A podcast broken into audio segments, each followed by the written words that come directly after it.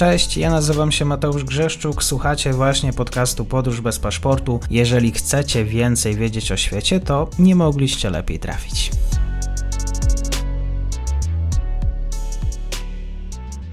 Partnerem odcinka jest Oanda, TMS Brokers, dom maklerski obecny na rynku już od ponad 20 lat. W opisie odcinka znajdziecie link do aplikacji, w której możecie otworzyć konto maklerskie i grać na giełdzie, a wcześniej potrenować na koncie demonstracyjnym. Jeżeli otworzycie konto za pośrednictwem tego linku, dostaniecie na start książkę o tematyce inwestycyjnej. Zapraszam, Mateusz. Dzień dobry Państwu, dzień dobry wszystkim słuchaczom. Myślę, że dzisiaj znany dla Państwa gość Tomasz Rutkowski, ekspert do spraw rynków surowcowych, również e, zajmuje się na co dzień ochroną wód i tym, co powiązane właśnie ze światem geografii. Dzień dobry, kłaniam się. Witam, witam. Arktyka. Arktyka jest łakomym kąskiem, biorąc pod uwagę rywalizację, grę mocarstw, globalną grę mocarstw. O Arktyce mówimy coraz częściej, a wszystko tkwi pod tym, co pod Arktyką lodami się znajduje. Tak, e, co mm, można powiedzieć, że jeśli chodzi o, o dwa bieguny, czyli północ i południe, no to na południe trzeba trochę jeszcze poczekać, ponieważ e, konwencja mówi o roku 48, kiedy będzie możliwa zmiana w, w tym prawie międzynarodowym i eksploatacja tych złóż. Natomiast jeśli chodzi o północ, no to północ widać już jest e, łakomym kąskiem, jeśli chodzi o różne kraje i coraz bardziej wiele państw właśnie kieruje się, wiele krajów spogląda właśnie w tym kierunku, ponieważ w związku z tą e, całą transformacją energetyczną a potrzebne są nam surowce. I te surowce e, w, oczywiście w ograniczonym e, zasobie są na lądzie, natomiast w morzu, pod wodą jest ich bardzo, bardzo dużo, natomiast nie ma obecnie takiego do tej pory prawa, nie zostało skonstruowane, które pozwoliłoby te surowce wydobywać, więc każdy stara się tą granicę naginać i być pierwszym. A w takim razie kto jest e, w tym wyścigu? E, teraz na Peletonie jest kilka e, większych, większych i mniejszych krajów, natomiast ostatnio głośno jest o Norwegii, bo Norwegia chce zacząć pozyskiwać złoża właśnie na wodach Arktyki i subarktyki.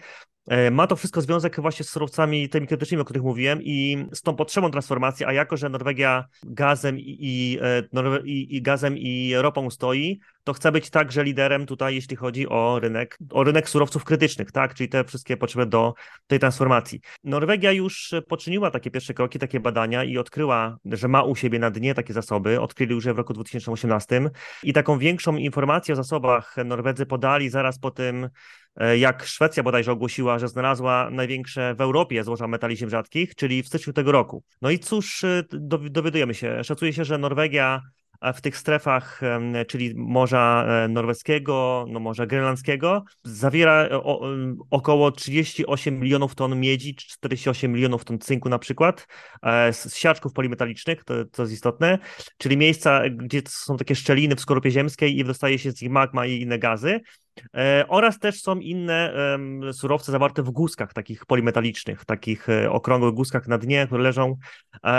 Jest tam surowców więcej, na przykład jest 24 miliony ton magnezu, jest ponad 3 miliony ton kobaltu i tak dalej, i tak dalej, cery, ale są też takie metale rzadkie, na przykład jak e, itr, jak niop, neodym czy Dyspros to są takie metale, niektóre z nich są potrzebne na przykład do silników samochodowych, elektrycznych, czy na przykład do magnesów w turbinach wiatrowych. No i sam ten obszar, gdzie znajdują się złoża, to jest jakieś 30, 329 e, tysięcy kilometrów e, ciut więcej niż wynosi powierzchnia Polski. I ten obszar, który jest proponowany do eksploatacji, rozciąga się od Morza Norweskiego po Morze Grenlandzkie i Morze Barenca. I teraz, żeby otworzyć ten obszar na działalność wydobywczą, trzeba przeprowadzić taki proces otwierania. No i składa się z takich dwóch głównych części, czyli procesu oceny skutków e, i oceny zasobów. No i już w 2020 roku Ministerstwo Ropy Naftowej i Energii zainicjowało właśnie taki proces. No i przygotowano już kilka takich sprawozdań z, z oceny właśnie potencjalnych skutków e, i wpływie komercyjnych działań właśnie.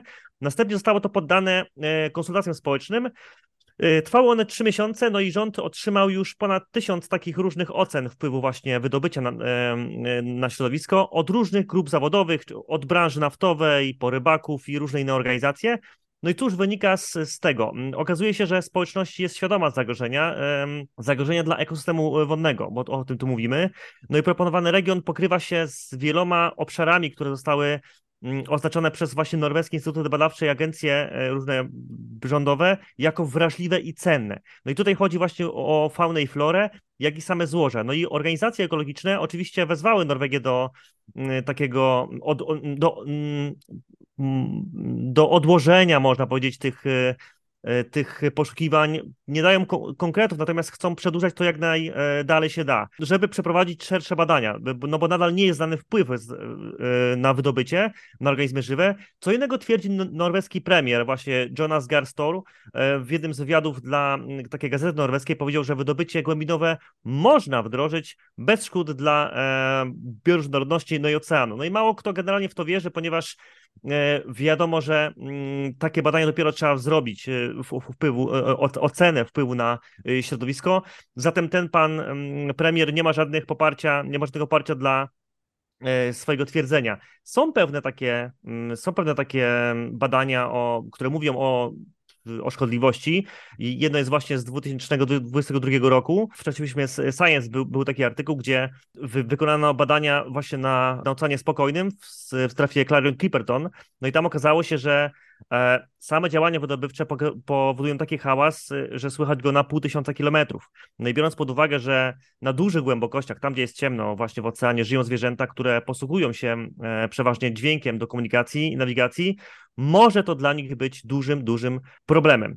Zatem e, na tym stoimy, jeśli chodzi o wszelkie decyzje Norwegii i ten punkt, w którym się znajdujemy teraz. I teraz y, rozumiem, że to jest też gdzieś świat biznesu, przeciera się z regulacjami, z też interesami państw. Trudne wątki do wyjaśnienia.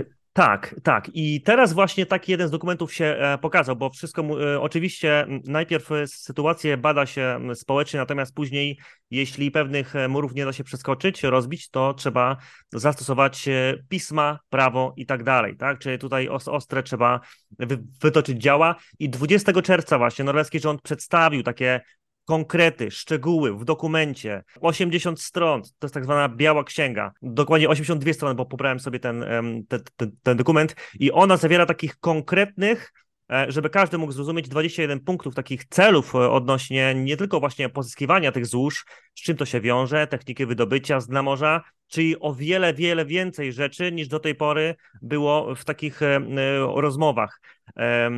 Dotyczy to również, dotyczy to również wydobywania poza jurysdykcją, bo tutaj za chwilę do tego nawiążę. E, zawiera cały plan generalnie odnośnie tego, co tam się znajduje, co chcemy wydobywać, jaki to będzie miało wpływ. No i co ciekawe, w dokumencie jest mowa o 281 tysiącach kilometrów kwadratowych, czyli e, obszarze ciut mniejszym, które mówiłem tam około powierzchni Polski, czyli widać, że do tego obszaru E, o którym e, właśnie mówiłem wcześniej, mm, została odjęta część i ten finalnie obszar 281 e, tysięcy km2, to jest z dnia 20 czerwca, ma zostać właśnie on udostępniony do, do badania, do wszelkiego mapowania, wydobywania minerałów. No i generalnie narracja idzie w tym kierunku, że Norwegia, jeśli nic nie zrobi, to za kilka, lat, za kilka lat będzie uzależniona od e, kilku dużych graczy na rynku, którzy właśnie posiadają te metale krytyczne w dużych ilościach, na przykład Chiny. No i takim argumentem do otwarcia tych wód, żeby w tym dobrobycie Norwegia była, żeby ten poziom utrzymała, bo obecnie wiadomo gaz i, i ropa, jest to, mm, obecnie nie ma żadnych badań e, e, oceniających na właśnie wpływ wydobycia i to jest właśnie powód, dla którego powinniśmy otworzyć te mm, rejony. Więc co trzeba zrobić?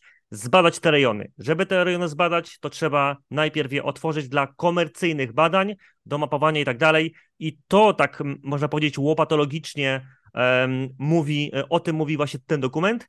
No i to jest też kolejny dowód na to, że premier e, swoją tezę postawił z powietrza, tej, e, tą tezę o, o, nieszkodliwości. Natomiast same licencje mają być przyznawane dużym firmom na większe takie obszary, natomiast te mniejsze licencje na mniejsze obszary, okazuje się, że też e, muszą spełnić te same warunki, muszą przejść ten sam proces, jaki dotyczy obszarów większych, tak? Więc nie ma e, tutaj takiego rozróżnienia, czy ktoś będzie zajmował się mniejszym obszarem, czy dużym obszarem. Wszyscy mają przejść te same, te same procesy. Ale zanim ktokolwiek zacznie działać na tym terenie, jest o wiele więcej przeszkód do pokonania, bo jak wiadomo, e, no każdy kraj ma w, swoi, e, ma w ramach swojej wyłącznej strefy ekonomicznej działania, które zależą wyłącznie od niego, tak? No na tych wodach bez większych przeszkód można działać, oczywiście zgodnie z dyrektywami i prawem.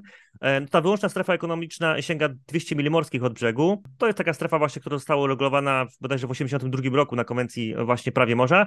No i dalej zaczynają się wody międzynarodowe. No i tutaj część tego obszaru, który właśnie chce eksplorować i eksploatować Norwegia, jest na wodach międzynarodowych, e, dokładnie na szelfie kontynentalnym, czyli takim tak zwanej półce takiej e, podwodnej, to, to jest taka część kontynentu, która zajmuje się, e, która znajduje się pod wodą, która właśnie tak, można powiedzieć, łagodnie schodzi w tą w taką toń wodną, w taką w te głębsze strony oceanu i część tego właśnie obszaru jest właśnie poza jurysdykcją, czyli prawem Norwegii. I teraz, żeby było ciekawiej, bo to zaraz się okaże, że po tej rozmowie będzie więcej może znaków zapytania niż było, otóż Norwegia w roku 2009 uzyskała dostęp do części szelfu kontynentalnego, z którym graniczy, złożyła taki wniosek do Komisji właśnie granic szelfu kontynentalnego, do ONZ, e, który właśnie, mm, bo to właśnie ONZ zarządza tym dostępem, no i Norwegii został ten dostęp przyznany do tych wód, części wód międzynarodowych. I teraz idziemy dalej. Po głębszej analizie okazuje się, że właśnie, że e, że tak, Norwegia uzyskała ten dostęp, ale tylko do dna tego szelfu, czyli nie do toni wodnej, czy tam tego słupa wody, tak, e, e, nie do powierzchni wody tak samo, tylko do samego dna. I teraz no, pytanie, co w takim wypadku może zrobić, skoro nie może prowadzić działań na powierzchni, w głębi, tylko może poruszać się po dnie? To jest kolejne pytanie. I teraz kto może pozwolić generalnie na wydobycie e, e, z dna wód międzynarodowych? Jest to Międzynarodowa e, Agencja Dna Morza, która no, zrzesza ponad 160 państw już.